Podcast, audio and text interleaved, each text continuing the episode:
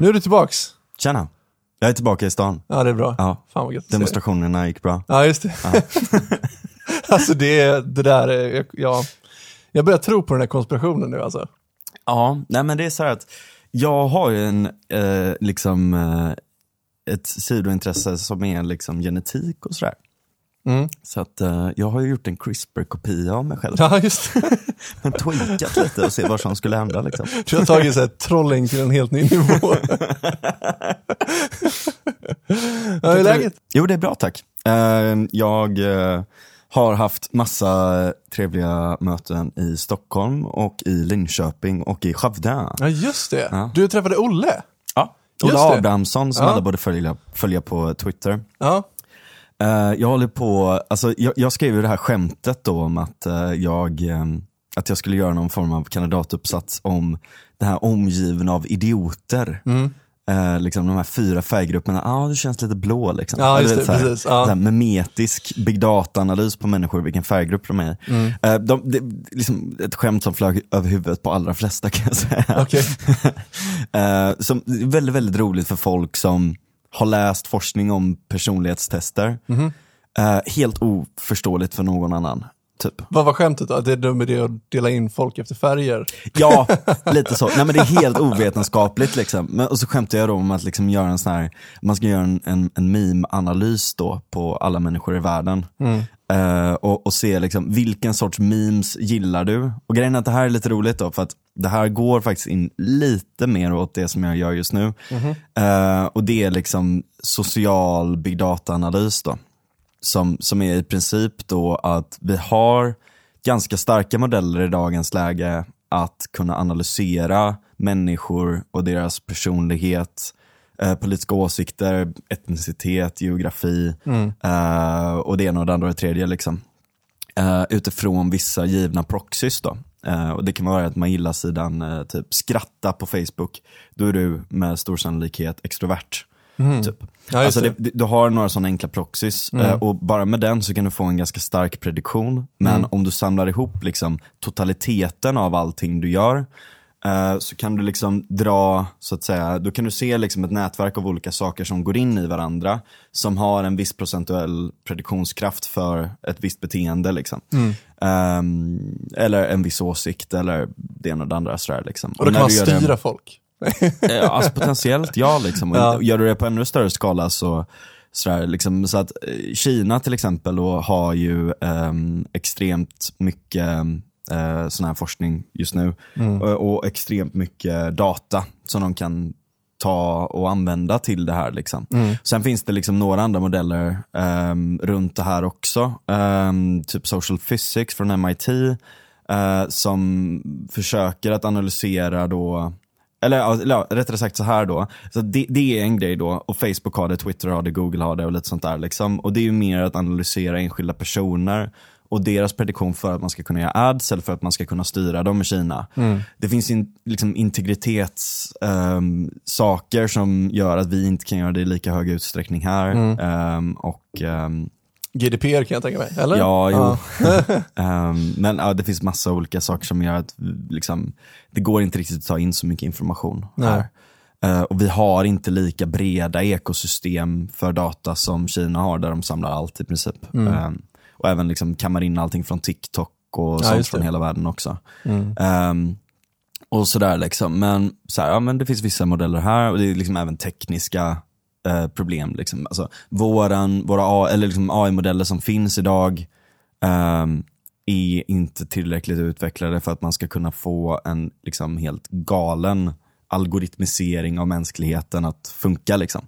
Ehm, och sådär. Liksom. Men, men vad jag då håller på med min eh, kandidatuppsats i är att se att okej, men Eh, om man ser till den här utvecklingen, om man ser till olika sådana här modeller, typ social physics som sagt, eh, som jag pratat om tidigare i podden tror jag, Ehm, så kan man se att vi, det är inte helt orimligt att, att liksom satsa mer på att analysera sociala nätverk och memetiska nätverk, eller liksom hur idéflöde fungerar i sociala nätverk helt Just det. enkelt.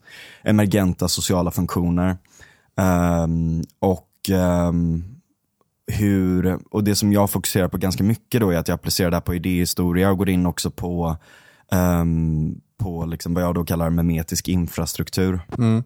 Ehm, men nu blir det väldigt, väldigt långt här bara hur är läget? Men det är ju sådär när man Ja. är inne i någonting och då känner man att eh, det här är så jävla intressant, jag kan berätta, jag Ja. kan berätta hela liksom, allting just nu. Liksom. Precis. Nej, men och det vi- är jävligt intressant. Vi kan alltså. suga lite på den eh, kuken tills vidare. Men, Vi kan komma eh, tillbaka till det. Till, ja, precis. Mm. För att eh, jag, jag är liksom mitt uppe i det här just nu och jag analyserar ganska intressanta böcker.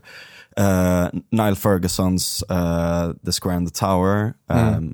McCloskeys uh, Bourgeois eh, Equality, Johan Norbergs. Öppen sluten, han har ett väldigt intressant eh, avsnitt i början där Mm. eh, om liksom förhistoriska tider. För att jag menar, om man ska skapa en sån här teori och försöka säga att det här är ett bra sätt att mäta så måste man även kunna göra, man, man kan inte bara ta det nu, Mm. utan om det är så att vi har varit extremt nätverksstyrda eh, och man även prata om memetik då som en viktig faktor, så här kulturell evolution och så, Mm. Så måste man även ha det perspektivet lite så här. Men eh, som sagt, ni får en liten teaser på det nu bara. Eh, men, men däremot så finns det faktiskt en del av de sakerna som angränsar till det vi kommer att prata om idag. Mm. Eh, som jag kommer att ta upp. Eh, så eh, det var ändå ganska bra att, Att börja där. att, att, att, börja, att börja i alla fall hinta om att jag kollar på social nätverksteori och Precis. memetik. Ja. Mm. Men eh, du har ju haft en, en jävla vecka också. Ja, jag fick hem ett brev från polisen här i morse. Och det var spännande. Och det har ju att göra med att jag är en sån jävla haverist. Och jag, och, och jag, jag stör mig på saker och då måste jag liksom krångla och liksom ifrågasätta. Det är liksom en del av min person. Liksom. Och man kan tycka att det är en dålig egenskap, att man borde vara mer easygoing och liksom sådär. Men jag, är- jag är inte sån. Jag Nej. bara ifrågasätter. Du har för mycket fritid. Ja, nej, Nej. jag har verkligen inte mycket fritid alltså. Men det är så att jag lägger den lilla fritiden jag har på. Eh, och det, alltså, anledningen till att jag fick hem det här brevet, och vi ska börja i den helt andra änden liksom, som leder fram tills idag. I eh, december så köpte jag en bil.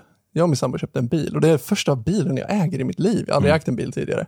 Eh, och det var så Den är väldigt gullig. Ja, den är jättegullig. Den är Mm. li- liten Ford Ka och så är den jätteljusblå. Mm. Det passar eh, lite som Bergslagssten, Ja. färgen. Fan, det är sant. Det, är inte sant, Jag, det har inte ja. jag tänkt på. Jag bara åker runt och rappar Ludvika i Göteborg.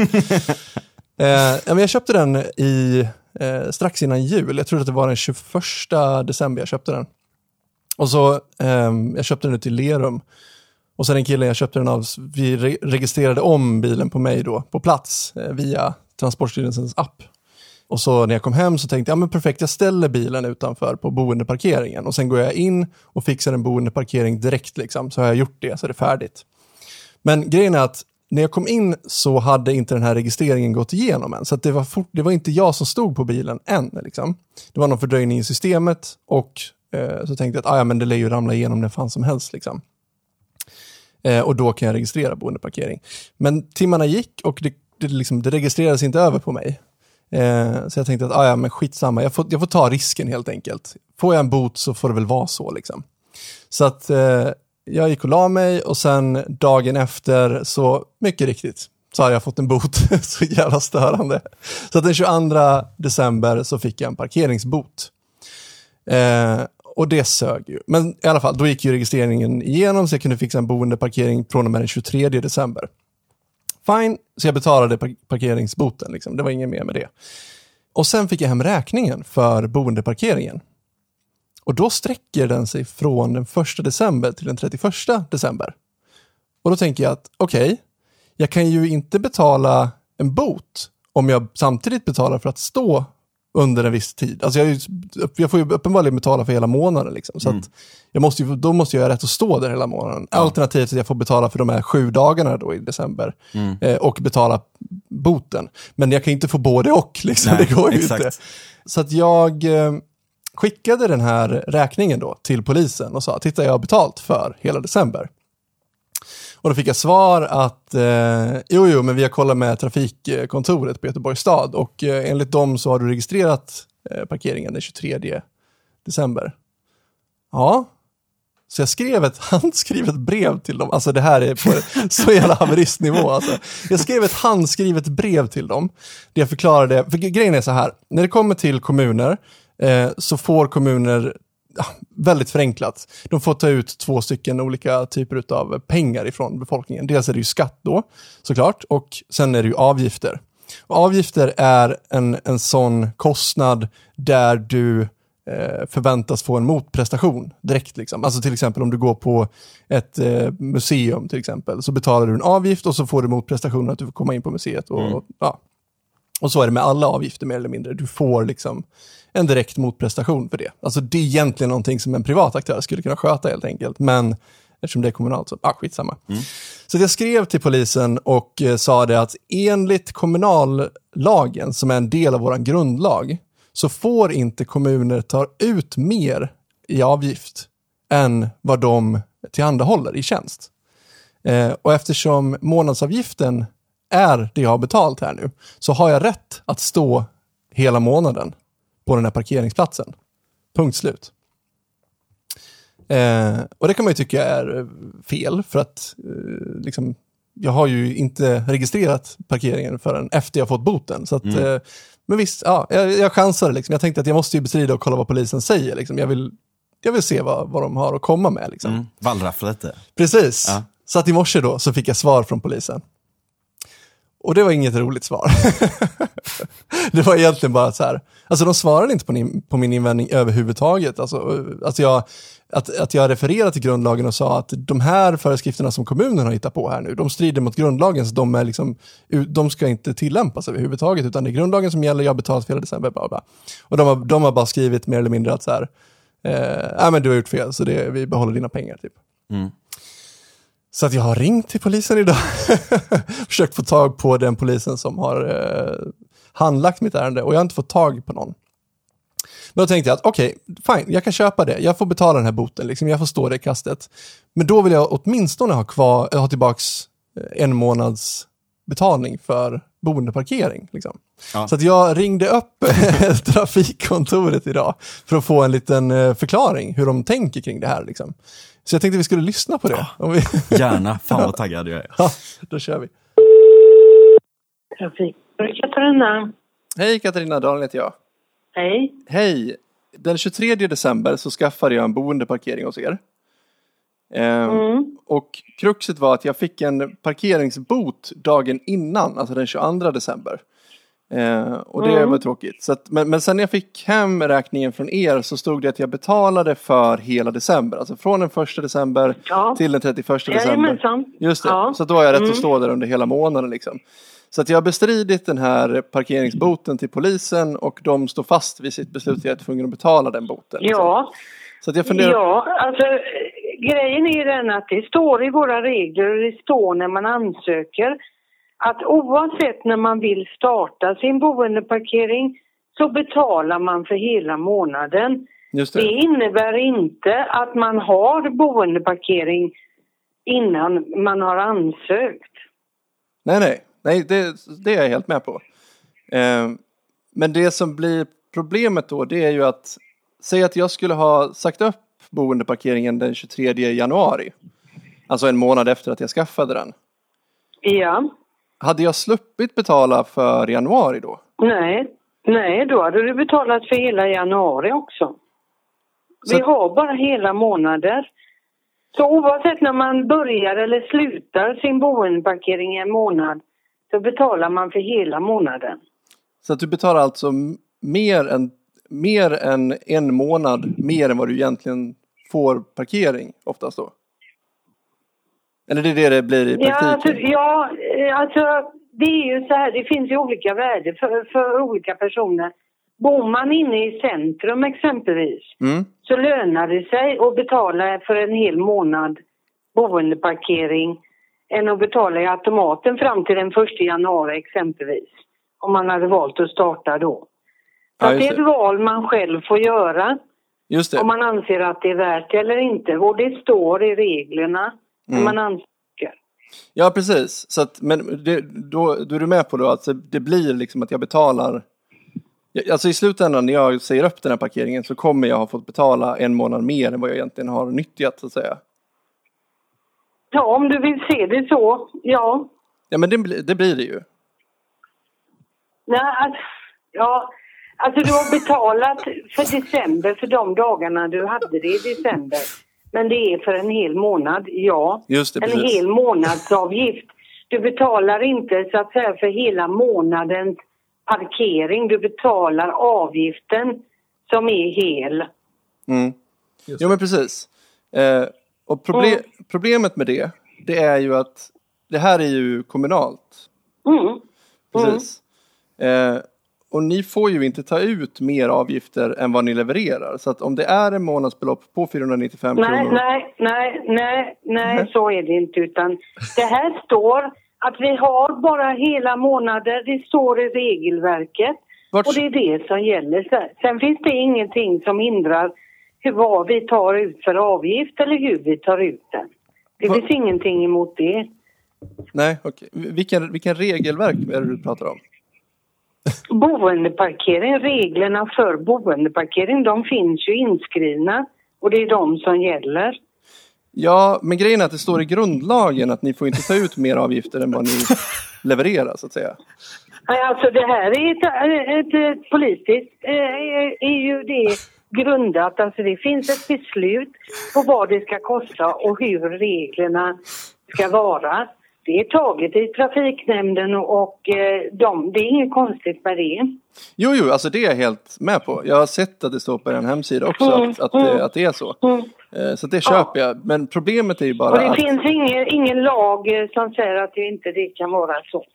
Jo, jo, alltså det är precis det jag menar. Att i grundlagen så står det att de avgifter en kommun tar ut för eh, ja, med tjänster eller eh, vad det nu är, Ja. eh, får Men inte... det här, är, får, får det här inte. är inte samma sak som det. Så det här är ingen avgift Det alltså? här får du Nej, alltså det här får du ta i eh, perspektiv till privat parkering exempelvis. Så är ju boendeparkering mycket subventionerad jämfört med privat. Exempelvis om du ska hyra en plats eller om du ska betala i en automat för parkeringen. Mm. Ja, alltså jag vill ju ha en boendeparkering. Det är bara att jag vill, jag vill betala det, den avgift som, som ni, ni har Mm. ja, men laglig det är det här som gäller. Så Men jag tycker att det låter liksom konstigt att du inte- säger att, att ert regelverk står över grundlagen. Det är ju liksom kommunallagen jag pratar om här. Ja, då får du i så fall eh, vända dig till någon domstol eller någonting med det då. Ja, jag... jag, jag, jag, Om du anser det. Jag har aldrig eh, hört talas om det så att eh, då får du eh, i så fall gå den vägen. ja, jag får ta, ta det till, till en tingsrätt för 495 kronor. Mm. Ja. Ja, det är den vägen du får gå om du anser att det är fel enligt grundlagen. ja, men är det, finns det någon annan liksom Mm. som... Ja, jag, jag kan inte helt förklara, för jag är inte jurist. Så att jag kan inte... Jag bara tänkte att det kanske är någon annan som har frågat om det här sedan tidigare. Liksom. Nej, aldrig hört talas om. Nej. Ja, ja, ja, ja, jag får väl... Man känner sig ju väldigt maktlös alltså. Det är ju väldigt tråkigt. Jag kan inte göra så mycket. Jag får ju välja att ta det här vidare i en domstol. Om jag ska få tillbaka mer än 495 kronor. Absolut, det är det enda som, eh, som är möjligheten man har. Ja. Ja, ja, ja det var tråkigt. Eh, Men det är väl som det är. Man vänjer sig. Ja, ja, men då vet vi i alla fall. Ja, tack du. Tack, hej. Hej. Ja men alltså, hur Han vänjer sig. man vänjer sig. Ja men alltså, det här är... Alltså, Jag tycker du ska ta det här till högsta domstolen. är högsta domstolen. jag, jag tänker driva det hela vägen till högsta domstolen. Göteborgs stad, liksom, de, 495. grundlagen. Ja, jag skulle gärna vilja. Alltså så här, ni som lyssnar får gärna höra av er och tycka, eller säga om ni tycker att jag faktiskt ska vara sån jävla haverist. Crowdfunda. Ja, kanske det, eller bara av princip liksom. Ja.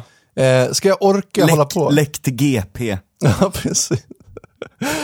Ja, men det är så jävla, alltså vanmakten man känner. Alltså den småfascistiska vanmakten. Ja. Och det finns ju liksom ingen så här, hon, hon nämner ju det här med privata alternativ. Ja. jag kan betala varje jävla minut jag står parkerad en hel månad liksom. Men det vill jag ju inte, jag vill ju ha en boendeparkering. Men det finns ju inga alternativ. det- ja. De äger ju hela jävla gatan. Exakt, liksom. exakt. Ja, så det är ju inte som att vi har liksom en seriös konkurrens Nej, när det kommer nej. till parkeringsplatser. Så att, så att om liksom. jag är missnöjd med det här, liksom, Mm. då kan jag dra åt helvete.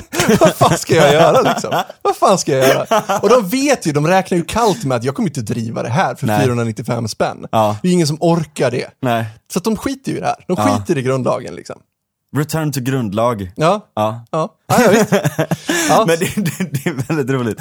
Alltså, det är ju liksom någonting med det här också att det är så jävla enkelt egentligen för dem att säga att så här, ja okej, sorry, det här är vårat fel, du har ju faktiskt betalat för det här, det är liksom inte mer än rimligt att om vi var för långsamma på att handlägga så, eh, och, och det är liksom dagen efter och du har redan skickat in det här, vet du vad, fuck it, vi stryker det här.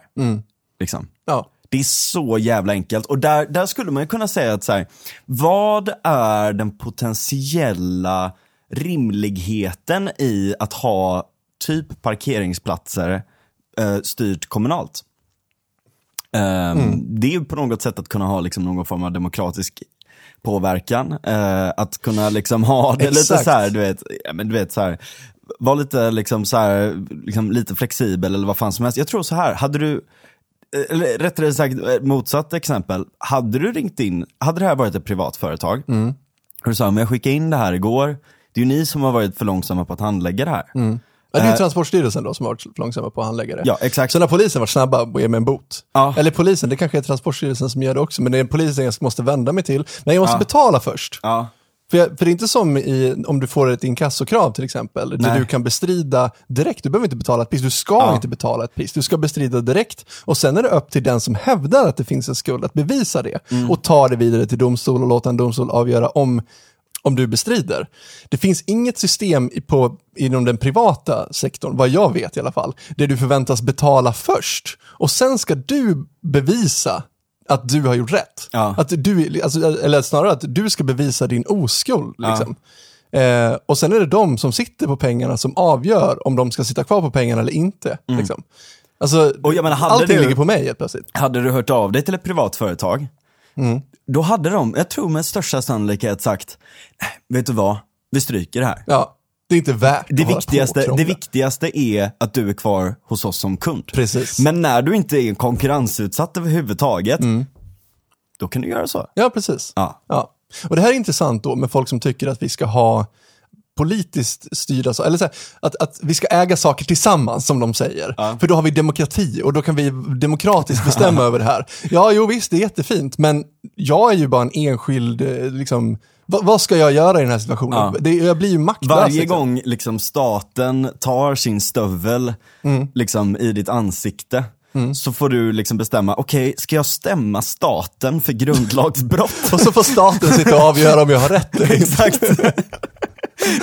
man, man blir ju anarkist för mindre. Ja. Så jävla, ja. Men det är härligt alltså, det är civilkurage, det är brev till samhället. Ja, liksom. det är, jag vet, jag vet att jag är lite tramsig som håller på med det här. Men det, det blir en principsak och jag ville också se hur långt jag kunde ta det. Liksom. Ja. Och jag kan ta det längre. Som sagt, om någon tycker att jag ska ta det längre, jag vill, jag vill veta vad våra lyssnare tycker. Ska jag ta det här längre? Vill ni Ja. följa det då i sådana fall? Tycker ni att det här var intressant överhuvudtaget? Eller är det bara jag som tycker att det är intressant? Eh, men tycker ni att jag ska ta det vidare så kommer jag fan med göra det. Alltså. Ja. Det får vara värt det. Mm. Hör av er. Ja, ja, men det här liksom, och det här, det här visar ju också liksom, det är liksom bizarra runt äganderätt i allmänhet. Ja. Sådär. Vad ska vi ha för system runt äganderätt? Och, och där kommer det ju liksom dels, vad är liksom individens äganderätt? Vad är företags äganderätt? Vad är statens äganderätt? Ja, Liksom. precis. Och, och, och det är ju liksom, det är ju verkligen det, det är ju liksom påhittade system. Det är ju sånt som vi liksom gemensamt har kommit överens om över en lång tid. Att liksom, okej, eh, jag har inte rätten att ta din tandborste. Liksom. du vet, till, till liksom att, eh, till liksom att om du delar den här, eh, eh, liksom, eh, det här lilla snutten av eh, musik Mm. på YouTube, eller ens nynnar på låten, så kommer vi demoni- demonetisera hela din kanal. Ja. Och liksom stänga av dig från, liksom, Mm. från hela internet. Liksom. Ja men där har du ju liksom, alltså själva äganderätt är ju extremt fundamentalt. Jag skulle säga, alltså jag, jag tror inte ens att det är en social konstruktion, jag tror att det är liksom en biologisk Alltså, jag tror att vi har det så djupt inom oss, eh, rent kulturellt eller vad man ska säga, som människor, att vi förstår skillnaden på vad som är ditt och vad som är mitt. Liksom. Eh, framförallt när det kommer till fysiska saker. Alltså, det här är din mark, eller det här är ditt hus, här bor du, här, det här är din snus, eller vad det nu är. Liksom. Vi förstår den saken, även, även små barn förstår den idén. Liksom. Försök få ett barn att dela med sig av sitt godis. Liksom. Alltså, Ja. Den förstår ju att det är dens godis, liksom. att den får avgöra om den kan ge dig godis eller Ja. inte. Så det är ju ganska basic, liksom. och det är ju extremt... Men det är nog för att vi lär barn tidigt också. Tror du det? Ja, kanske, jag vet inte. Eller ja, ja alltså grejen att säga, man har ju lite samma sak hos djur så. Eh, Mm. Det, det finns ju liksom, om, om man kollar typ, om vi verkligen går tillbaka långt, långt, långt, långt bak i historien liksom. Mm. Eh, och till djur och flock, flockar då liksom. Mm. Eh, som är liksom de här tidiga, när liksom tidig social kognition i någon nivå börjar komma fram liksom. Då kan du säga att så här, okej, när delar man med sig? Eh, och ehm, då kan man säga att så här, okej men till din familj, och det är det här som Richard Dawkins lägger fram om the selfish Ja, gene, det. att Mm. liksom Eftersom att den här individen delar mina gener, den är liksom x procent av mina gener, så kommer jag att dela med mig till den för att den ska kunna överleva. Precis. Eh, och, och för oss så är det ju liksom, vi har ju inte den här rationella kalkylen utan för oss så är det intuitivt, känslomässigt och så. Vi har massa olika eh, liksom system i hjärnan som reglerar det här och, och, gör det liksom att vi finner den att vara en automatisk intuition eller en automatisk vilja liksom, nästan. Ehm, Eh, och sen då så liksom, så börjar vissa då flockar lära sig att fan okej, men ibland så kan det faktiskt vara bra att dela med sig till andra. Eh, då får vi någonting som heter reciprokal altruism, som är jag, I scratch your back, you scratch my back. Ja, precis. Man byter liksom. Ja. Eh, och liksom, om jag har fångat in ett byte, ehm, wordplay. Eh, om jag har fångat in ett byte och så kan inte jag käka upp hela, då kan jag liksom lagra det i tjänster hos andra i flocken. För att de får käka lite, nästa gång de får ett byte, då kan de dela med sig lite till mig. Liksom. Ja. Vissa kan säga, titta det är bevis för socialism. Ja. Eh, men det är det ju såklart inte, utan det är ju snarare byteshandel. Ja, det är ett bevis för hur fundamental handel är för människan. Ja, eller så- för, för djur i allmänhet Ja, också. för djur, liksom. alltså, det är så vi, så vi gör. Liksom. Ja. Och just, just den grejen med äganderätt är ju extremt bra också, för det får ju de konsekvenserna att det du äger tar du hand om. Mm. Det kan man ju verkligen se. Alltså det jag bor, jag bor ju som sagt i en hyresrätt som jag sagt nu i typ varje avsnitt som vi har kört. Eh, men i själva eh, kvarteret, om man ska säga, där jag bor, så är största delen bostadsrätter. Så det är en bostadsrättsförening som har, och sen finns det några hyresrätter som är kommunala, där jag bor bland annat. Och man ser liksom så här, på ena sidan av innergården så ser man att det är så fint, de har tagit hand om allting, de har liksom så här fina dörrar, de har verkligen, alltså det här är ju ett hus från 20-talet tror jag. Och de har verkligen tagit tillvara på alla fina detaljer och gjort det jättefint. Och sen i den hörnan där vi bor, det är fortfarande jättefint liksom. Men man ser liksom att det är det billigaste skiten de har slängt in och liksom så här, det är ingen som, som riktigt bryr sig. För det är ingen som har det här direkta ägandet av det. Det finns ingen, ingen direkt benefit att investera i det här Nej. för dig själv.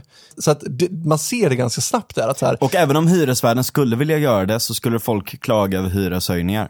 Ja, precis. Det är den aspekten också. precis.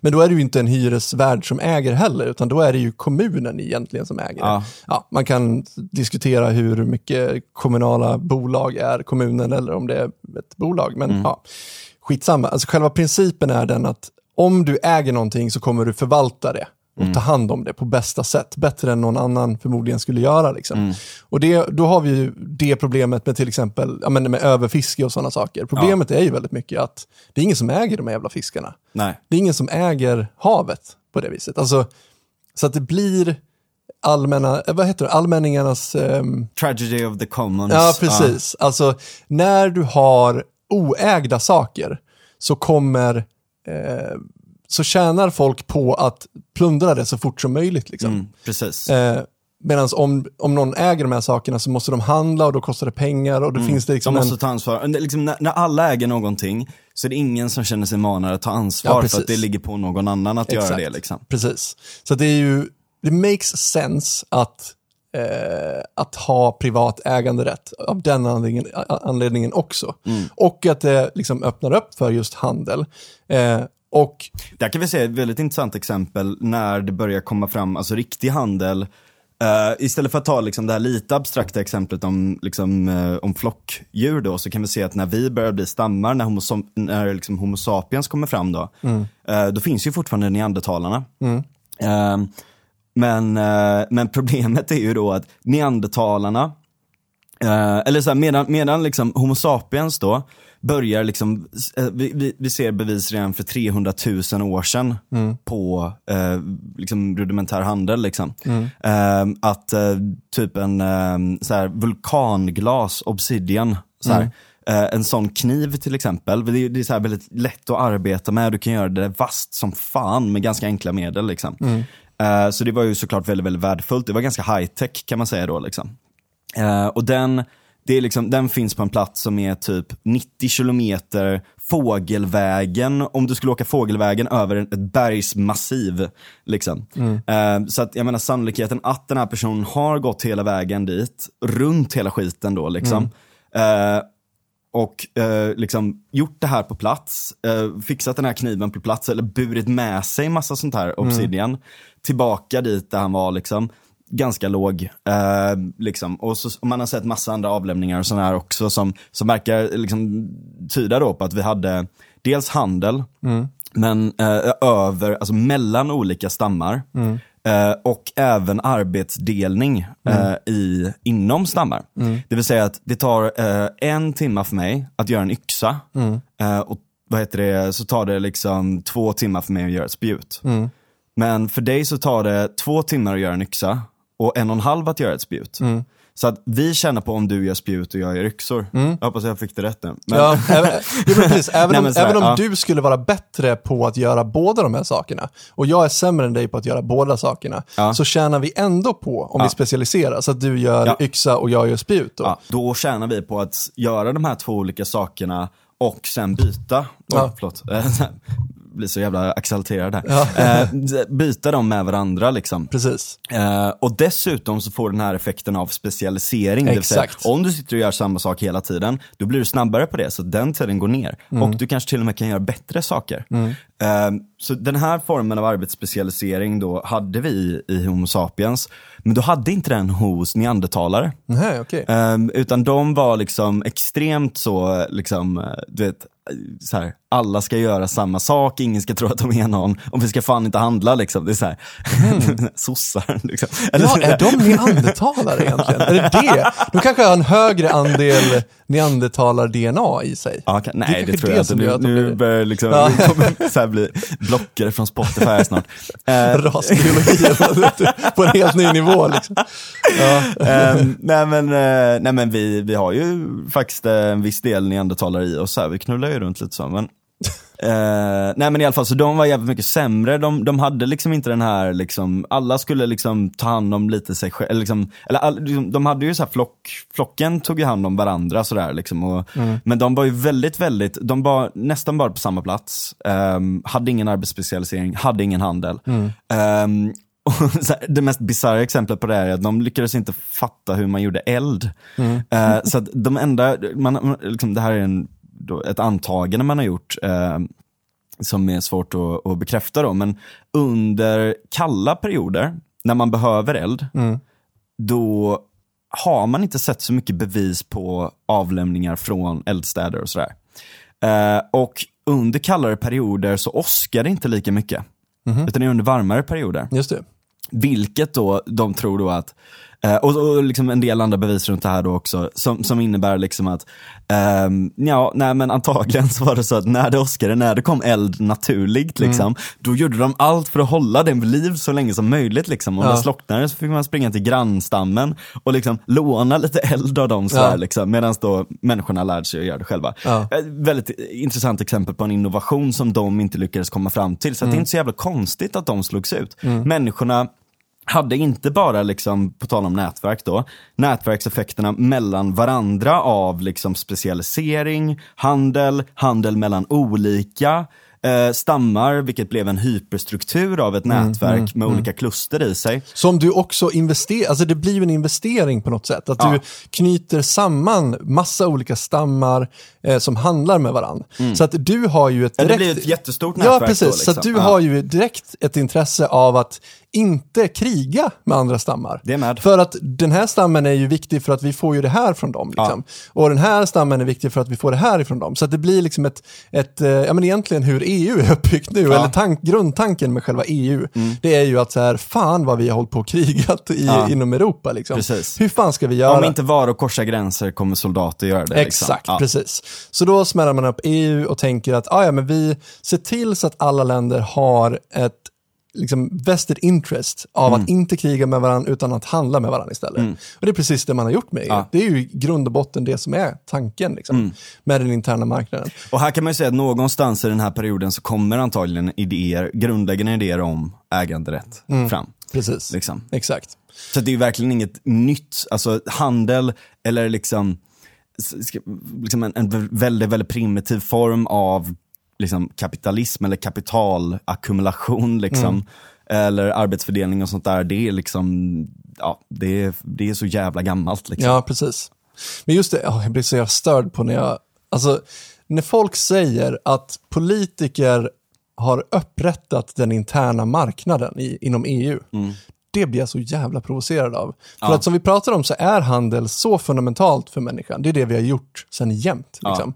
Eh, och det vi har haft sedan tidigare inom Europa, det är ju att man har haft eh, tydliga gränser mellan olika länder, vilket innebär att politikerna i de länderna har kunnat diskriminera varor som kommer från andra länder. Alltså de har kunnat satt högre skatter på dem, vilket gör att de eh, företagen som finns på den egna, eh, i det egna landet blir liksom, får en eh, större konkurrenskraft inom det egna landet, vilket gynnar de företagen såklart. Så att det är ju det man har gjort med EU. Man har tagit bort de här tullarna, liksom. man har skapat en stor tullunion. Liksom. Ja. Så du får egentligen inte längre som politiker idag i Sverige diskriminera eh, en vara från Italien, utan Ita- den italienska varan ska konkurrera på samma villkor som en svensk vara på, i Sverige. Så att säga. Och det är så jävla provocerande då när, när de säger att, att politiker har upprätt, upprättat den. Ja.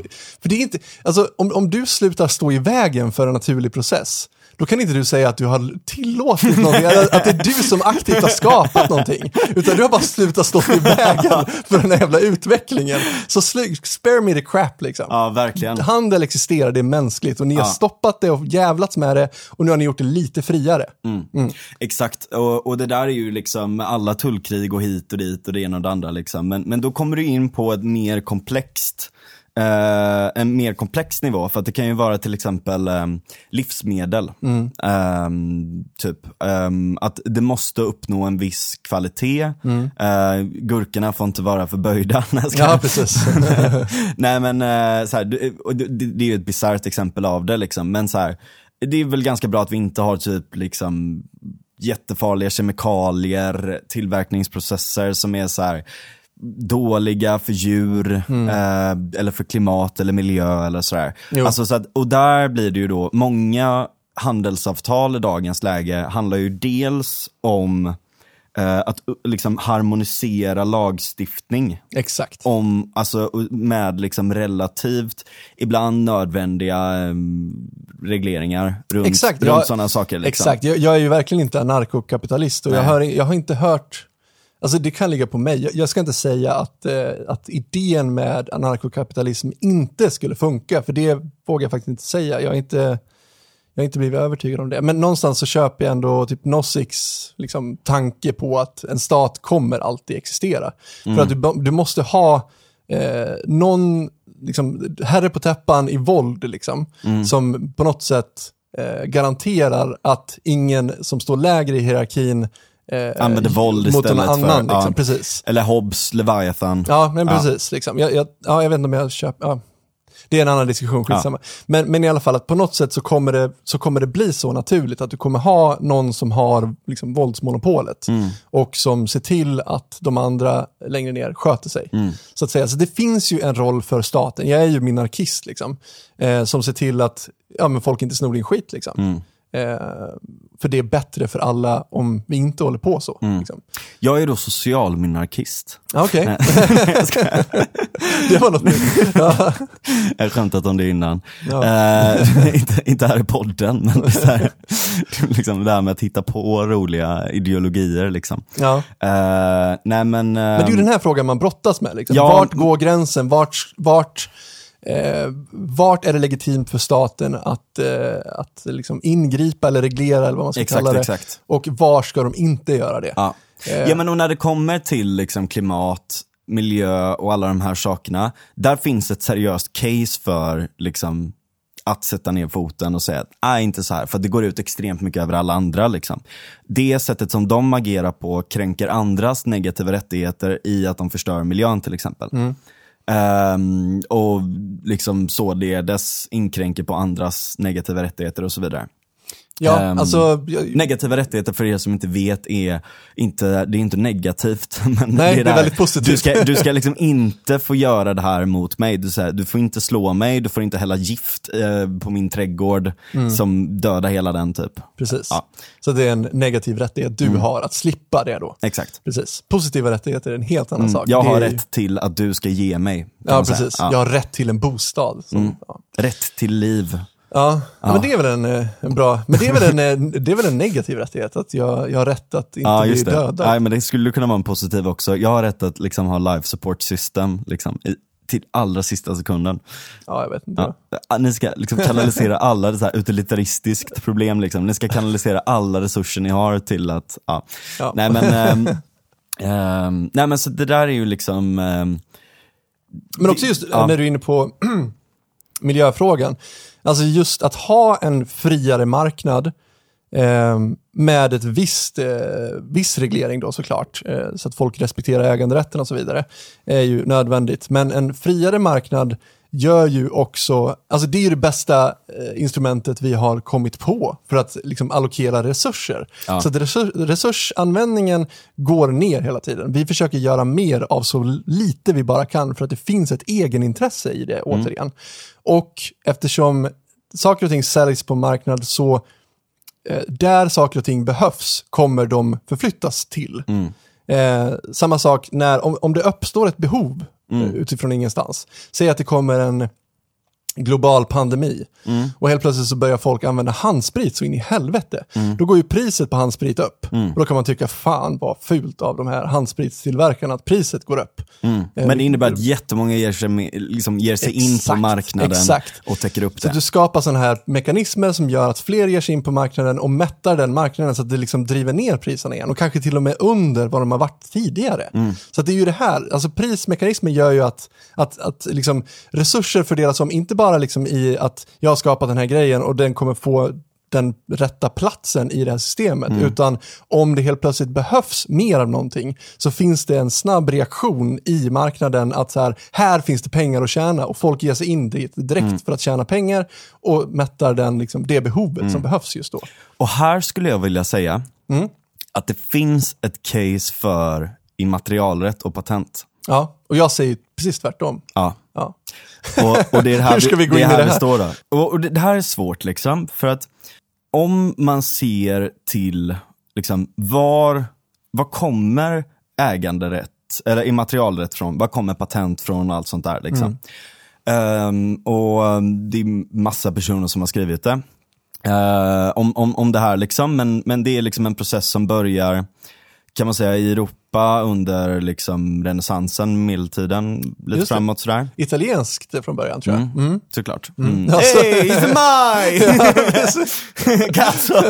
Mm, nej, men, eh, nej men det som är intressant då är att det, det är liksom i relation till tragedy of the commons eh, eller i relation till stater eller i relation till folk med makt eller vad fan som helst liksom. Så är det liksom att eh, om man har, alltså problemet då var att innan, om du kom fram med en innovation så, eh, så försökte du att liksom dölja det så jävla mycket som möjligt liksom, men sälja det ändå så att ingen kunde ta Mm. din, din upptäckt och göra någonting av det. Liksom. Det. Och det insåg man då att, så, så, har det varit liksom i, em, ja men typ i, mycket i Mellanöstern, mycket i Kina, Indien och så vidare. Så där, liksom. Eh, och, och även i Europa innan. Liksom. Och då kan man säga att så här, ja, men det, det finns säkert väldigt, väldigt bra argument till en hel del anledningar varför det har varit bra sådär också. Men när vi börjar få en liksom lite mer komplex ekonomi, lite mer komplexa uppfinningar och sådana här saker, där folk liksom har tillräckligt mycket resurser för att sätta sig under en längre period och utveckla någonting. Eh, då märker man det liksom att så här, det här fungerar för att det ger en viss äganderätt till att jag har gjort den här produkten, jag har ett patent, alltså vem som helst får inte kopiera det här.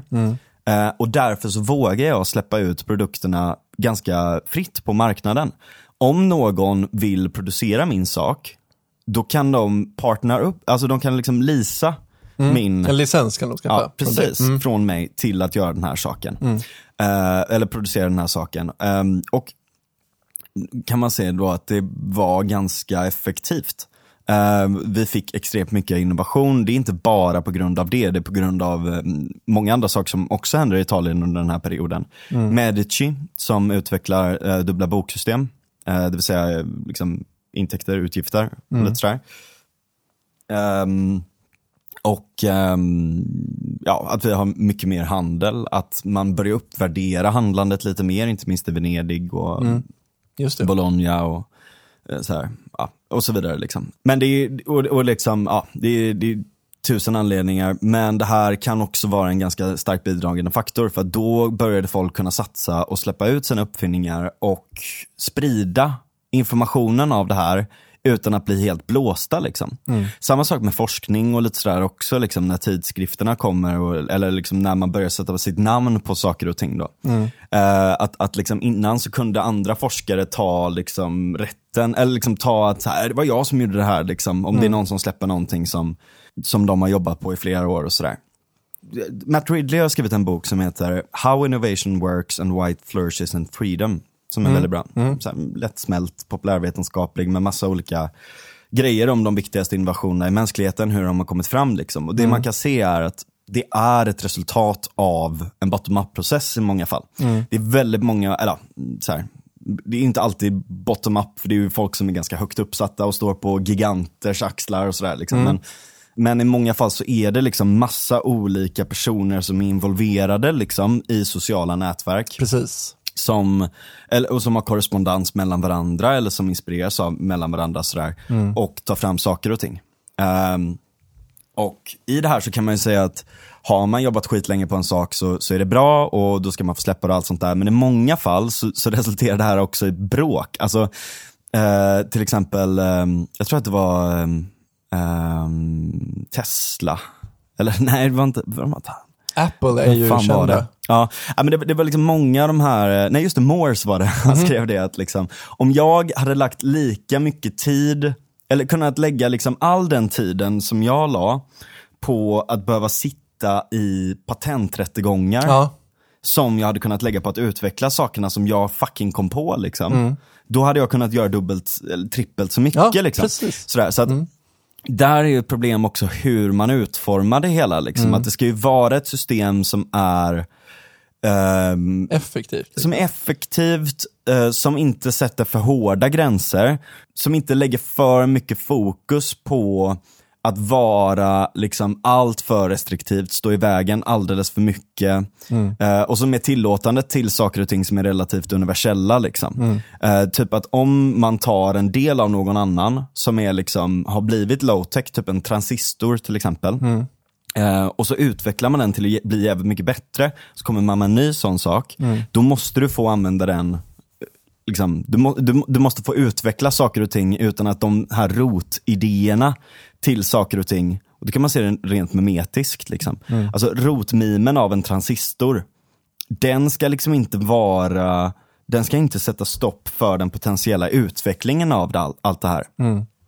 Men så kan man se då liksom i vår moderna informationsekonomi, bla bla bla bla, bla stor diskussion om allt det här. Ehm, så, så finns det ett ganska intressant exempel just nu med eh, vaccin. Då. Eh, och det är ju att det tar väldigt, väldigt lång tid att komma fram med, eh, liksom, med de här grejerna. Det krävs extremt mycket pengar som går till väldigt, väldigt välbetalda människor som sitter och forskar på de här grejerna. Just eh, ett av de mest intressanta eh, exemplen på det här är liksom mRNA-vaccin.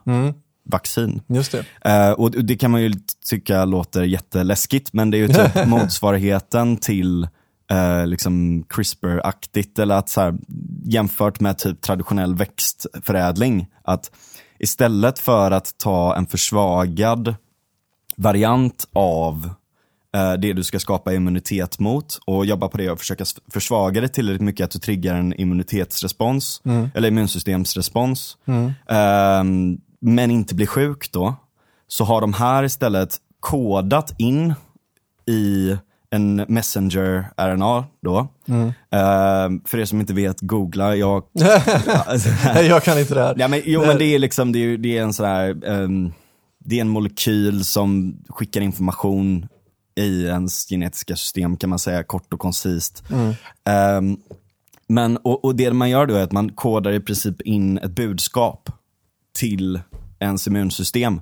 Eh, men man gör den med en liten flå, för att då märker eh, ens immunsystem att så här, fan det är inte någonting som står rätt till här, vi måste kolla läget. Men du gör inte tillräckligt mycket för att den ska döda det direkt, utan att det ska ta ett litet tag. Så det är väldigt, väldigt så här, väl Ja. eh, orkestrerat allting liksom.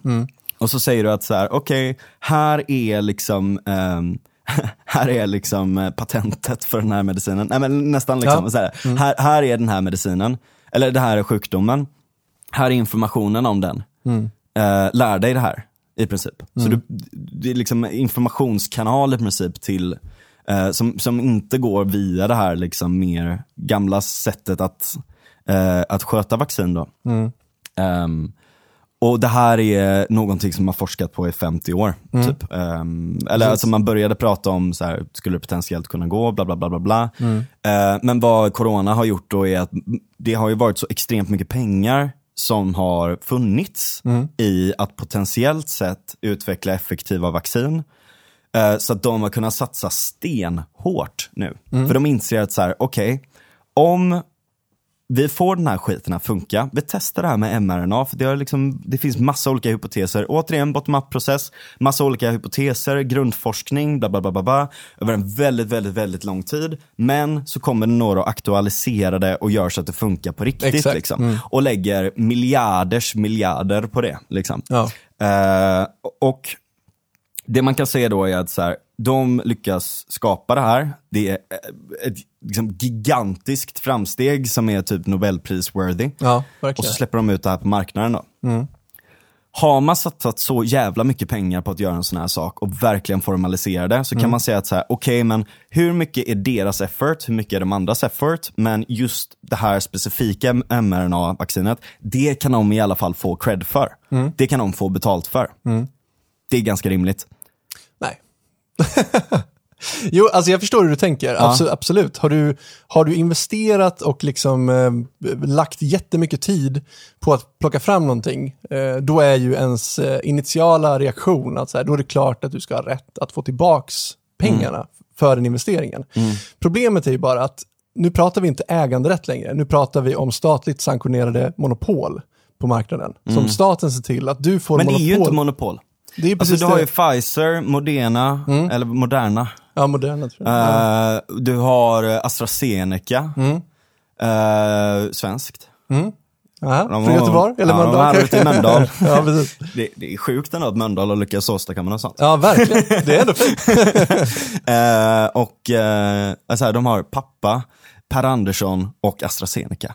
Ja, just det. Just det. Eh, nej men, ehm, nej men alltså så här, det är ju liksom, det finns ju, och det, just det, det var min poäng också, att här är det ju inte bara liksom en enskild aktör, typ staten eller någon form av konglomerat av olika stater som går ihop till en. Liksom. Mm. Utan det är en massa olika företag som tävlar om att få fram de bästa sätten att göra det här, Precis. eller massa olika sätt på samma gång. Eh, och sen så får de betalt för det Mm. i relation till hur mycket, hur snabba de är, hur bra det är och så vidare. Mm. Eh, och det kostar ju jättemycket att testa och allt sånt där också. Då. Men, och då säger de så här, ja men eh, då ska vi, eh, Biden till exempel då. Han säger så här, och det är det här som är jävla, så jävla efterblivet med politiker då. Här har företagen gjort en jävla gigantisk effort för att lösa hela den här krisen. Och så kommer Biden och säger, äh, vi ska släppa på patenten. Och det kan man tänka att så här, ja, men det är väl jättebra, så kan de andra få det. Problemet är ju att, för det första, det är liksom handelssanktioner på massa av de här eh, varorna som behövs för att skapa det från första början. Eh, eller på liksom eh, biohazard eh, utrustning eller det ena och det andra eller sån här jävla plastpåse eller något sånt. Jag lä läste in mig på det här innan men eh, liksom eh, det är liksom massa liksom, sanktioner runt de grejerna eh, och hur man transporterar det till olika ställen och så vidare och så vidare. Eh, och dessutom då, alltså att skapa en ny, alltså om, om du bara skulle släppa patentet liksom, så har du fortfarande problematiken i att så här, du måste ju bygga upp en anläggning i typ, jag inte, Afrika. Eh, eller, eller något sånt som, som ska ha den här standarden på att kunna skapa, alltså göra det här på en hög nivå. Eh, extremt komplext liksom. Ehm, och du måste ha, de måste kunna få alla de här varorna, de måste kunna få det och det och det och det. Och det. Men jag menar det är inte så att de har suttit och hållit på vaccinen utan de har ju alltså haft eh, licenssystem på det här. Så att om din läkemedelsfabrik kan producera, då kan du köpa in det på licensen Ja, och precis. skapa det. Och också få pengar. Så att jag menar, systemet är redan löst. Problemet ligger som sagt i de här andra sanktionerna. Men det vill man inte rucka på. Det, är det, nej, men det håller jag med om, att det, det är väldigt konstigt att man börjar snacka om det nu, när de har eh, tvingats ta fram vaccin i ett system som vi har byggt upp redan. Vilket sätter enorma hinder som gör att de måste investera. Alltså, för jag menar, för att kunna ta fram ett vaccin så måste du också respektera immaterialrätten. Du kan inte bara eh, sätta igång och start, liksom skapa ett vaccin, utan du måste betala för licenser, allt möjligt för att överhuvudtaget kunna bygga upp det här. Liksom. Det är ju det som kostar väldigt mycket oftast. Eh, ja, men du måste köpa in licenser för att kunna göra alltihop det här och sen när man väl når upp, når upp dit och vill sälja den här grejen, då ska inte du få eh, samma fördelar som alla andra som du har betalt redan. Utan då ska man ta bort det då. Ja. Det tycker jag är ju helt sjukt. Liksom. Men det jag vänder mig emot, det är att den här tron på att vi behöver ha stora företag för att ta fram produkter. Jag tycker att det är en konstig tanke och jag, jag tänkte på det igår, tror jag det var, på Twitter, när det var en känd folkpartist som skrev att eh, socialister vill göra det här och det här nu. Och jag tänker bara så här, Jo, jag, jag förstår tanken i det, den situationen vi befinner oss i just nu. Men vad kan vara mer socialistiskt att tro att vi behöver ha stora centralplanerade företag för att kunna ta fram nya innovationer? Det är ju en helt galen tanke. Eh, Eller vi har förstått någonstans att det här är inte en bra det är inte ett bra sätt att göra saker på. Det funkar. Det funkar inte jättebra, men det funkar i alla fall. Och det är lite grann det vi har på, på den privata marknaden nu.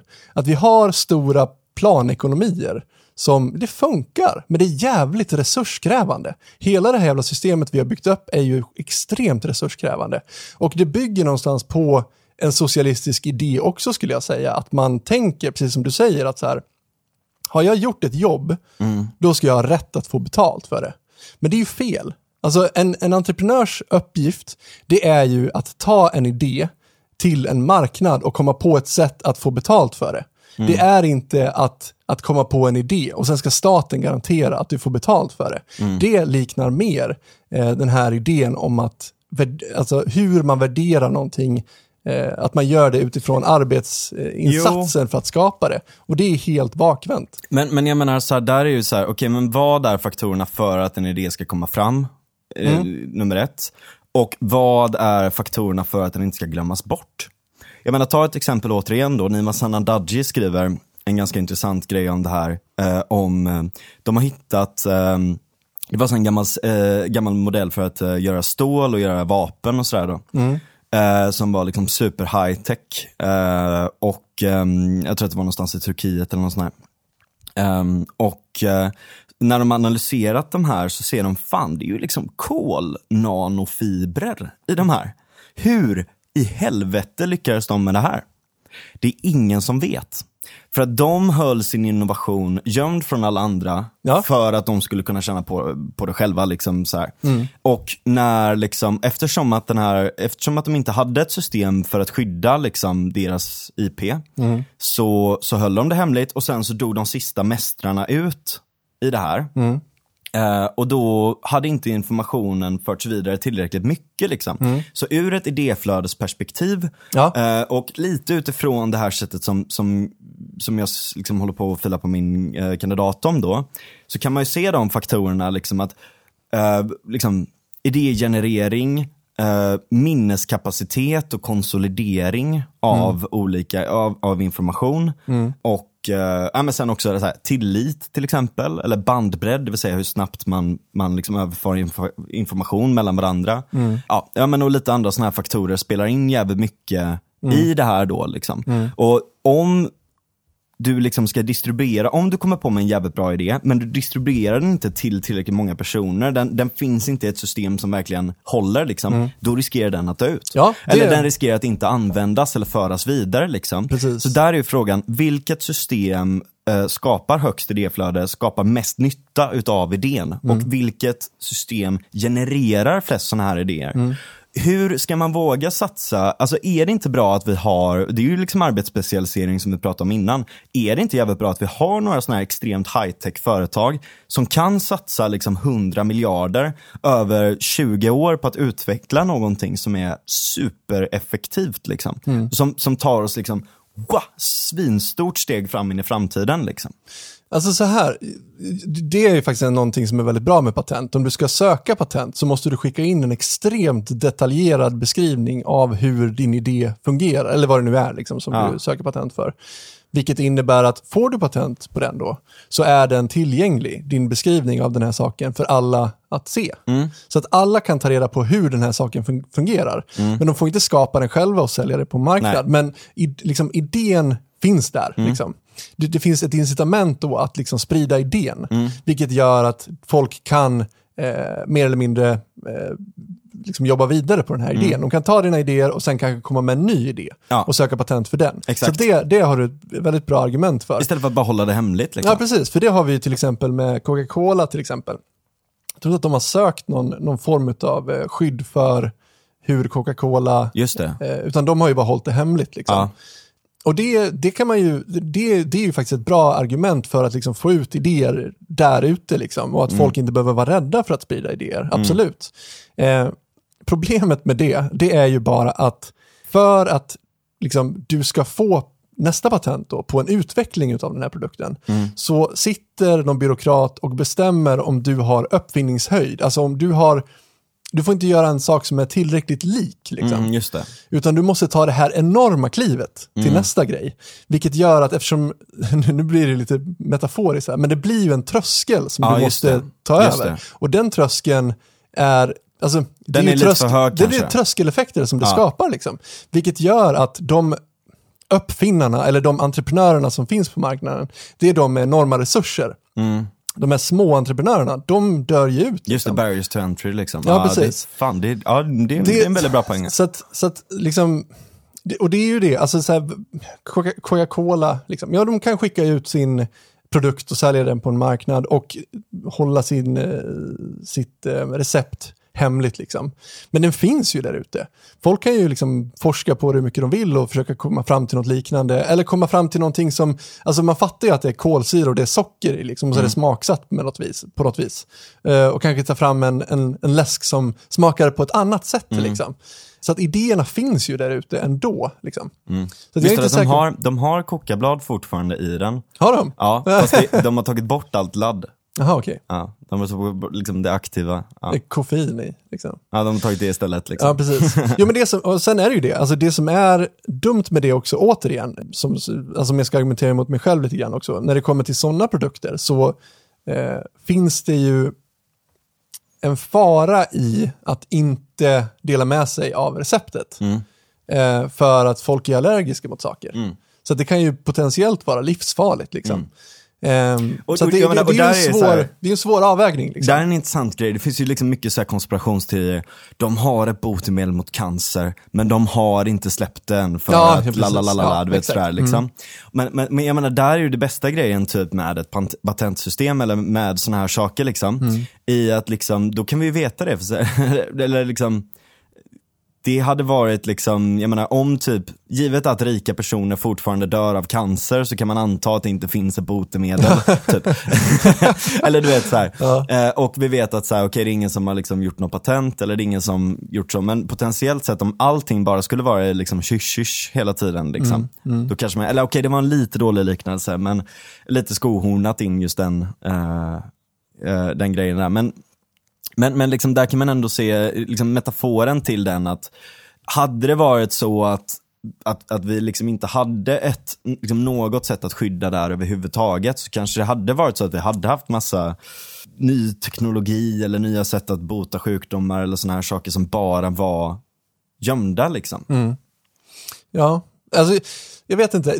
På något sätt så är det som att om staten, om man ser staten som gud, Ja. så tenderar den att skapa små eh, liksom, avbilder av den själv. Liksom. Och jag, jag tror inte att det är en bra idé att ha toppstyrda företag. Och så, alltså, grejen är att det det är det som är så jävla konstigt också. För att det vi ser på marknaden det är att det växer upp de här stora vertikala bjässarna. Liksom. Och sen har man någon sorts idé som liberal om att så här, men idéer eh, liksom, poppar ju upp i en, i en horisontell eh, i ett hor- horisontellt nätverk. Liksom. Det funkar inte lika bra med de här vertikala. Liksom. Eh, vi The, vet, tow- the, the square and the tower. the square and the tower. Ja, det är det som Nile Ferguson pratar om. Ja, okej. Horisontella nätverk och vertikala maktstrukturer. Ja, precis. Så att vi, vi tjänar ju på att eh, ha horisontella eh, Ja. nätverk istället. Det, det är ett bättre Ibland, sätt. ja. Men jag skulle säga att det är, dels så är det ju, om, vi- om vi ska återgå till liksom marknadsekonomi, så det som är bra med marknadsekonomi, det är ju återigen att det är, all, liksom, det är det bästa sättet vi vet på att liksom, allokera resurser och så vidare. Mm. Men om du har stora företag som liksom i princip får en monopolställning på det, just det de gör på en Ja. marknad, så Alltså det, är ju, det vet vi ju, det här är ingen bra idé. Liksom. Och det, det är ju bevisligen så att vi har, för att liksom kontra det här, så har vi kommit med massa så här, konkurrenslagstiftningar i, inom EU och eh, Just det. i Sverige också. Men där är det inte så att man liksom, man, det är inte så att man aktivt ar, arbetar mot monopolen, utan man, jag skulle säga att man många gånger snarare gynnar monopolen. Och visst, alltså så här, det här är ju en situation du har skapat. Jag tycker inte att det skulle vara bra heller om, om liksom staten aktivt försökte motarbeta liksom, monopol som har växt upp liksom, utifrån de premisser som vi har. Liksom. Men det blir ju ett problem för, liksom, för vanligt folk som måste betala mer ofta för saker som kanske hade kunnat kostat mindre bara för att vissa får den, det privilegiet i monopolet så att säga. Ehm, Jo, jo men det är sant. Och jag menar där, alltså som sagt, Matt Ridley kommer med en ganska bra, ett ganska bra case runt det där också. Hur innovation kommer fram i de här liksom mer horisontella processerna liksom. Och, och det är liksom, det finns väldigt, väldigt många exempel på det här, typ eh, eh, ja, vaccin från första början. ja. Eller Till ta, exempel, så- eh, det, det är ganska intressant liksom. Eller om vi det, går det var tillbaks- ju liksom, det var ju typ, eh, det var en kvinna faktiskt, jag kommer inte ihåg vad hon heter, som eh, typ flydde eh, från liksom någon sån här tvångsäktenskap eller något sånt där och började etablera sig någon annanstans och någon annanstans och höll på och sen så kom ehm, eh, jag kommer inte ihåg vad det var, smallpox tror jag. Vad heter det på svenska? ja, just det. Ja, äh, smittkoppor va? Ja, något sånt liksom. Ja, eller? eller Ja, och det liksom förstörde allt. Hon hade skitgött i Paris eller något så här. Så kom det och förstörde det hur mycket som helst och hon bara, vad fan liksom, nu ska jag lösa det här. Mm. Så hon började experimentera och började ha liksom kontakt med massa andra och de höll på. Men hon var väldigt drivande i det här då, så det är därför det attribueras delvis till henne. Men, ehm, nej men så, så liksom i de här processerna så är det ju väldigt ofta såna här liksom komplexa, små sociala nätverk liksom, som får de här emergenta funktionerna av innovation. Eh, för att det är inte så mycket noise, det är inte så mycket skitsnack i nätverket utan man är väldigt, väldigt fokuserad på att lösa just en specifik uppgift. Ja. Eh, eller göra saker på ett visst sätt liksom. Ehm, Men ta internet. Jag menar, vi behöver inte gå tillbaka så långt tillbaka i tiden. Mm. Alltså, vi kan kolla hur internet var i början. När det inte var någon som såg några liksom, potentiella kommersiella eh. Mm. ja, nej men precis, Ja, att men- det skulle men- vara liksom Ja, men man såg liksom inte hur det här the skulle kunna... declaration of cyberspace och Ja. Ja. ja, men man såg inte hur det här skulle kunna generera några pengar. Det var inte så många som var intresserade av det, utan det, var, det här var bara, hopp, okej, folk håller på med internet och Mm. nätverkar och grejer och håller på. Och det födde ju så jävla mycket innovationer. Verkligen, verkligen. Folk satt på sin kammare och hittade på massa olika saker och bara tog idéer från någon annan som hade hittat på någonting och bara gjorde den bättre. Alltså det är ju så här mänskligheten fungerar, när Mm. Ja. vi får göra det fritt. Liksom. Verkligen, verkligen. Och sen har man börjat reglera internet mer och mer och desto Mm. mer så befäster man de här stora och gör liksom maktkoncentrationer Ja. på internet. Där Vilket- kan man verkligen, det är ju liksom ett av de värsta exemplen som får en att börja tveka över de här sakerna. Det Ja. Mm. är ju verkligen hur man har hanterat det. Att liksom den här korporatiseringen Ja. av, eh, av internet verkligen. Precis. Och för där är det så jävla bisarrt också. Att du har ju typ en, en liksom, ja men som jag var inne och hintade på där innan liksom. Det är så här folk som har nynnat på en låt eh, i en video och så bara BAM! Ja, Så får de liksom en, vad, som kallas copy strikes, liksom, några så här three strikes and you're out system. liksom. Eh, och kan bli helt avmonetiserade, alltså hela deras kanal, allt de har byggt upp, borta för att de bara liksom har nynnat på någon jävla fucking låt. Liksom. Eller, eller det här liksom att hela meme-kulturen, att ta en bild, lägga på någonting annat, låta det utvecklas, korsas, korsbefruktas med andra memes och göra grejer och du vet allt sånt. Eller musik som fungerar på det ja sättet precis. också. Tänk om, alltså, Humor. ska, vi ha, ska vi Ja. ha det så att allting måste filtreras genom några byråkrater som avgör om du har uppfinningshöjd eller inte? Ja. Det, är ju, det, är ju liksom, det sätter ju en sordin på utvecklingen. Mm. Och vi har inte tid att hålla på med det här tramset, Nej. tycker inte jag. Jag tycker att vi måste ha det, det mest effektiva sättet att liksom innovera och liksom göra framsteg för att vi, vi står inför ganska allvarliga hot. Mm. Eh, och då kan vi inte hålla på och liksom säga, ja, jag måste fråga den personen och så måste vi gå igenom den här byråkraten och kolla vad den tycker och vänta i Mm. Och så ska man komma på med så automatiska system istället som ska hantera det här. Ja, Men, och de är ju liksom, de är ju helt fruktansvärda. Ja. För att ta ett exempel på liksom hur dåliga de här grejerna är. Jag la upp ett skämt häromdagen på, ehm, på Twitter. Mm. Eh, så här liksom, fan vi har liksom alla undans alla undantagstillstånd suger. De, de, det är alltid dåligt när det ska komma ett undantagstillstånd. Liksom. Mm. Men, men varför kan vi inte ha bra istället? Typ när corona är över så ska vi så här, då har vi undantagstillstånd på att man ska få dricka bärs på gatan, man ska få röka på uteserveringar, man, ska få, så här, man ska få fucka ur helt enkelt. Ja. Liksom. Automatiska tillstånd till raves och legalisera det, det ena och det andra. Så här. ja precis. Eh, och Och sen så- kan vi försöka återgå ifrån det igen. Ja, För det kommer precis. aldrig ske. ja precis liksom. Kan, vi, kan inte vi få de här liksom permanenta, temporära liksom så här, eh, undantagstillstånden liksom. Mm. Eh, Eh, och vad heter det, och så kommer Theodor Koivunen och skriver så här, utegångstvång, uh, utropstecken, utropstecken, utropstecken. Och vilken mardröm. så det är väldigt, väldigt kul liksom. Ja. Och så lägger jag upp en bild på så här stockfoto, alltså det är så man märker att det är så jävla, han har liksom sådana så buttericks-kläder på sig liksom. Eh, och så står han med en pistol så här och siktar liksom, det är skitlöjlig bild liksom. Och så så här, we have a friend in Theo and Theo is our friend and when we drink with Theo, he drinks it down in eight. Seven, six, du vet den Ja. så här, drink, eller så här, dryckesvisan liksom. Eh, och sen så fortsätter den liksom så här, ja, så här jag kommer inte ihåg exakt hur den går, men så här, eh, du är en jävla kant för du kan inte dricka, la la la la la, CUNT eller något sånt här, typ så.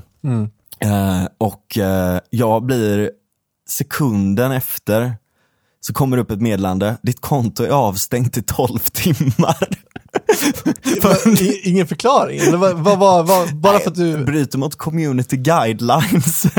och det är då att jag typ, alltså då har de ju en algoritm som typ ser så här, eh, pistol, fula ord, Mhm. bannad. Ja, okej. Alltså du vet så här, det är så jävla, liksom, det är så dåliga trubbigt, liksom. Mm. AI-algoritmer som ska lösa de här sakerna. Eh, så att det är liksom patetiskt verkligen. Liksom. Och så här, ska det vara liksom den här nätokratin vi ska ha Mm. av liksom dåliga AI som, som liksom instablockar oss för bullshit-anledningar. Mm. Samma sak finns ju på YouTube då. Eh, att, att där är du liksom, där är du skyldig tills motsatsen har bevisats. Ja, ja, visst. Och det är ju det som är ett problem när man är musiker som jag är. Ja. Så att till exempel, eftersom IFP är så in i helvete starka eh, och liksom äger hela marknaden tror de, så måste liksom, alltså YouTube tar ju ner musik om du lägger upp musik liksom, tills eh, du kan bevisa att du faktiskt har rätt att posta den här musiken. Eh, vilket innebär att om, in, om musiken läggs upp av en icke trovärdig källa, säg att jag som en helt okänd människa eh, för YouTube lägger upp min musik på YouTube, då tar de ju ner den. För att de vet inte att, att jag har rätt att posta den här. Och jag måste bevisa liksom att jag har rätt att göra det här. Ja. Och sen, alltså, alltså, det är så jävla, medan om det kommer från Warner till exempel, Ja. då vet de ju, ah, okej, men de har förmodligen rätt att eh, Ja. posta det här, så då får de för, alltså det, det Exakt, skapar exakt. ju en konkurrens på marknaden som är helt snedvriden. Liksom. Och Warner är såna jävla fittor också. Eller jag vet inte om det var Warner eller Sony, men Ja, det var Warner. Shit Jag vet vad du ska säga. eh, som var så här, det var en... ehm, Happy En- birthday. nej, det, ja, ja. det var Warner. Var det det? Ja, jag är ganska säker på det. Ni får kolla upp det här. Ni ska att, de, ta- att de försökte copyrighta den. Eh, happy, nej, men de hade copyright på den. Jaha, Ja. Det, det, var, det, det, var, de, det var deras låt på ett jävla sätt liksom. fan vad sjukt. Mm. Eh, ja men det, jag menar, Frej Larsson uh, åkte ju fast av polisen för att han sjöng eh, Ja då ska du skjutas, ja då ska Aha. du Ja, just skjutas. det. Av en helt annan anledning kanske. Nej men, eh, vad heter det? nej men i det här fallet då, det var någon så jävla Katy Perry-låt liksom, så här, helt liksom, du vet, mongo. Liksom, ja. Ja, skitdålig liksom. Uh, och så eh, en sån jätteenkel visa liksom, du vet såhär... Mm. Dun, dun, dun, dun, dun, dun, dun. Eller du vet, det var någon så här superenkel liksom mm. grej då. Um, så här superenkel, poppig, uh, liksom typ fem, fem toner ungefär som varierar sig lite då. Eh, och eh, då hade de, uh, Katy Perry hade liksom blivit stämda, eller då hennes management hade blivit stämda av en annan musiker för att han tyckte att de hade uh, snott hans jävla liksom, grej. Generiska jävla Ja. melodier liksom. Precis, som, Ja. som liksom helt så här superointressant liksom. Mm. Ehm, och, eh, men då claimade de fair use.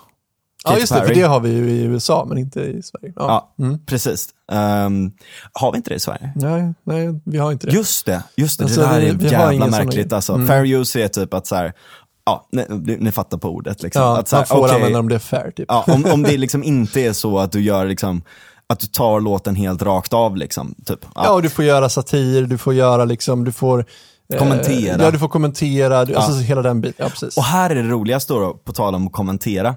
Då är det liksom en, en eh, musikjournalist-ish youtuber liksom, eh, som, som gör en grej runt det här då. Och pratar om eh, hur liksom med några små ändringar i den här melodin så kan han få fram hur många låtar som helst. Eller att den här slingan har varit med i hur många låtar som helst. Liksom. Eh, och, och visar liksom att så här, det här är fair use. Typ. Eh, Alltså så här, har ett helt case för Katy Perry liksom. Och sen så här, säga vad man vill om låten, man behöver inte gilla den, men det är fair use. Vet du vad som händer då? Nej. De tar, de tar ner skit. Katy Perry Nej. och hennes management tar ner honom. Det är ju helt underbart.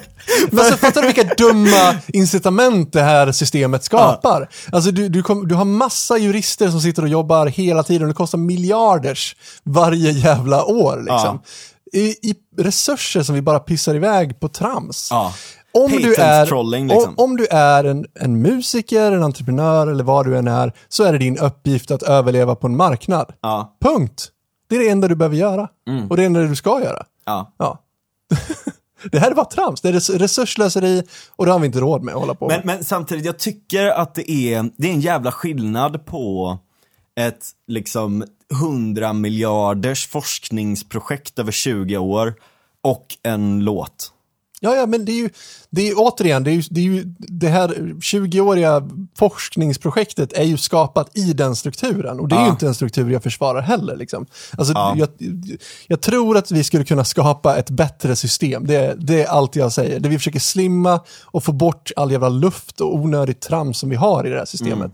Sen är jag inte, alltså så här, vi har ju haft patenter och upphovsrätter och allting sånt under så lång tid, så det är svårt att och liksom argumentera för någonting som vi aldrig har haft. Eh, Så, det är inte, alltså, så det är klart att jag inte vet om det skulle funka. Liksom. Mm. Men någonstans så... Det, det här är inte bra det vi håller på med. Ja, och, det precis, och finns där- goda ja. argument för att se att det skulle funka utan det.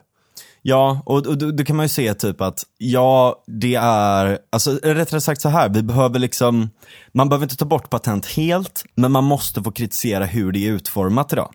Och liksom med patent trolling, det vill säga att vissa företag vet att de kan stämma någon annan, oavsett om de äger patentet eller inte. För att de vet att de har en armé av jurister som kommer att vinna om det blir en rättegång. Ehm, mot liksom personer som är i en svagare ställning. Och det gör ju att allt det här bara blir en industri för jurister Ja, att precis. Mm. kunna stämma människor. eh, och bibehålla deras ställningar. Det är ju ett helt jävla sjukt system. Ja, det är jurister som hade kunnat gjort något helt annat. Ja. Konstruktivt. Exakt. Som hade skapat värde för människor Ja. istället. Verkligen liksom. Och det här är ju sanktionerat av politiken. Ja. För att politiker har ingen jävla aning om de här frågorna. Nej. Det känns som att det är liksom så här 1900-tals industrialiseringspolitiker som Ja, bara ja. sitter på makten Ja, och inte har någon jävla aning om hur en informationsekonomi fungerar Nej. Mm. överhuvudtaget. Liksom.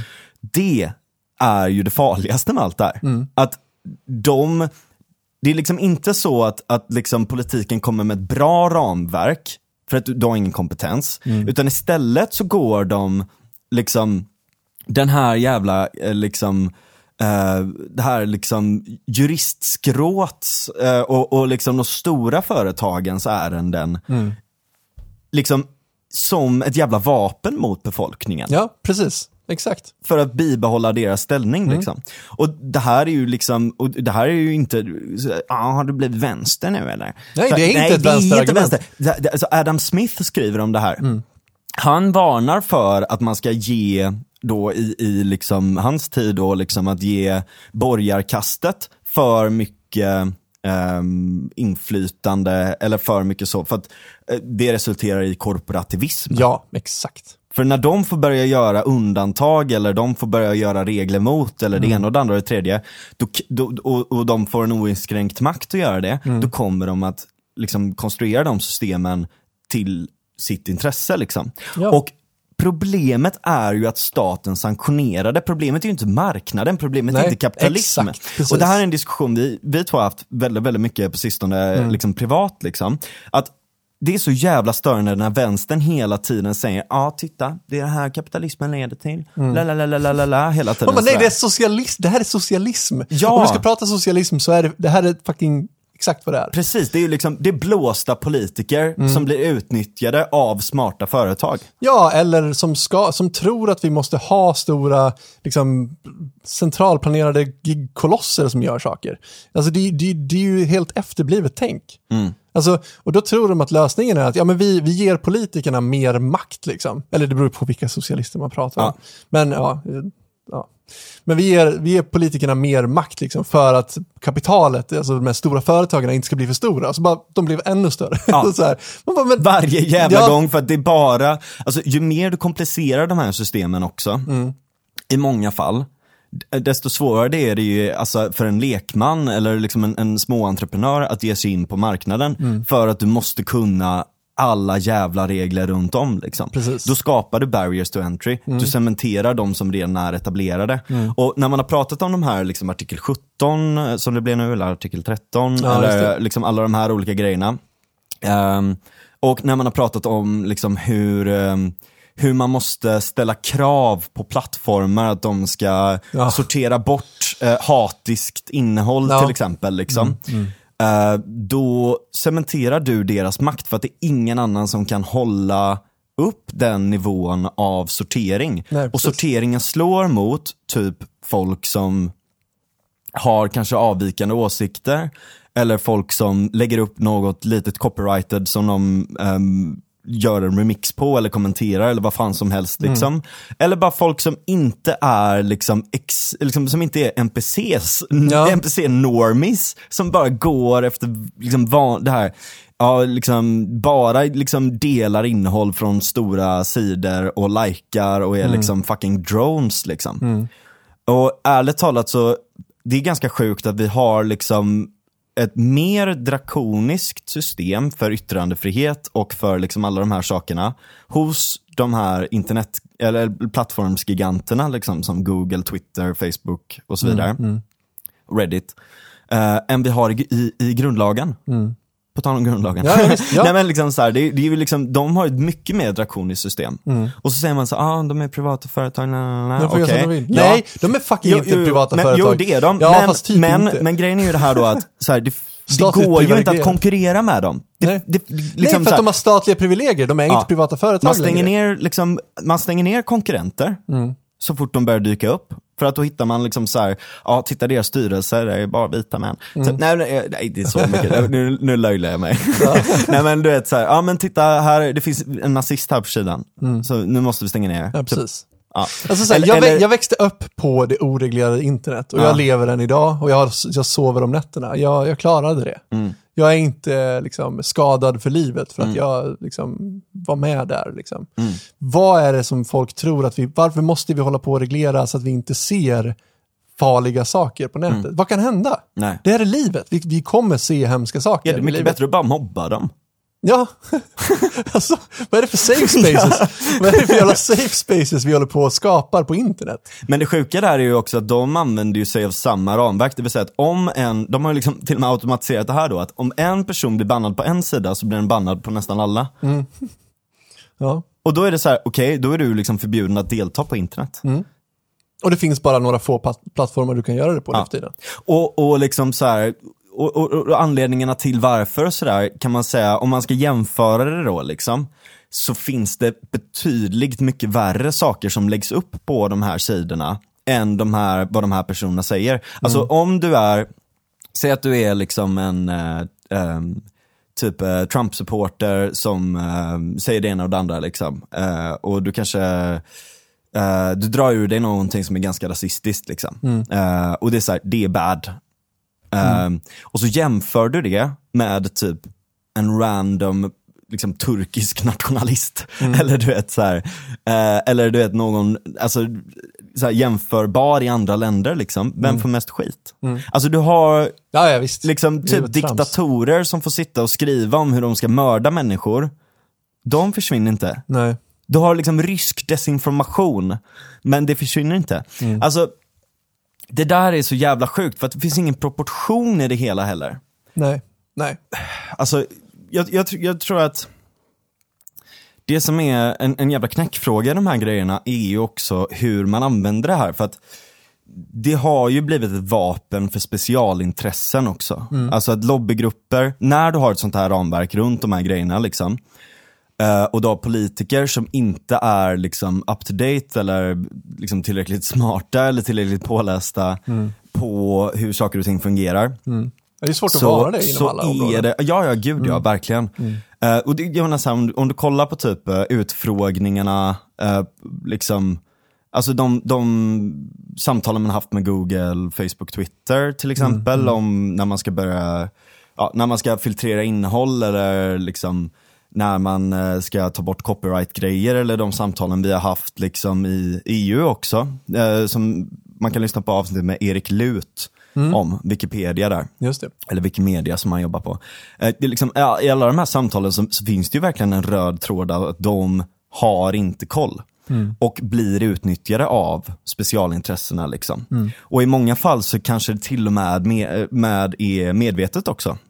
Ja, ja, för, för att liksom, antingen för att man har någon polare i något stort företag eller det ena och det andra och det är en sån liksom crony-korruption. Mm. Eller för att så här, men det här systemet gynnar våra, det gynnar att vi kan skapa våra egna giganter. Exakt. Mm. Att EU ska få sina egna digitala giga, giganter till exempel. Det eller där är ju ett helt sådär. avsnitt i sig att prata om just den grejen, men ja, Ja, absolut. Verkligen. Det- Nej men för det tangerar det här liksom att man är så besatt, politiker är så besatta av att det är de som skapar innovation. Mm. Att det är liksom de som möjliggör saker och ting. Mm. Men ofta så, så är det de som sagt som står i vägen Exakt. för det här. Mm. Eh, och de här processerna är i väldigt, väldigt stor del bottom-up, horisontellt.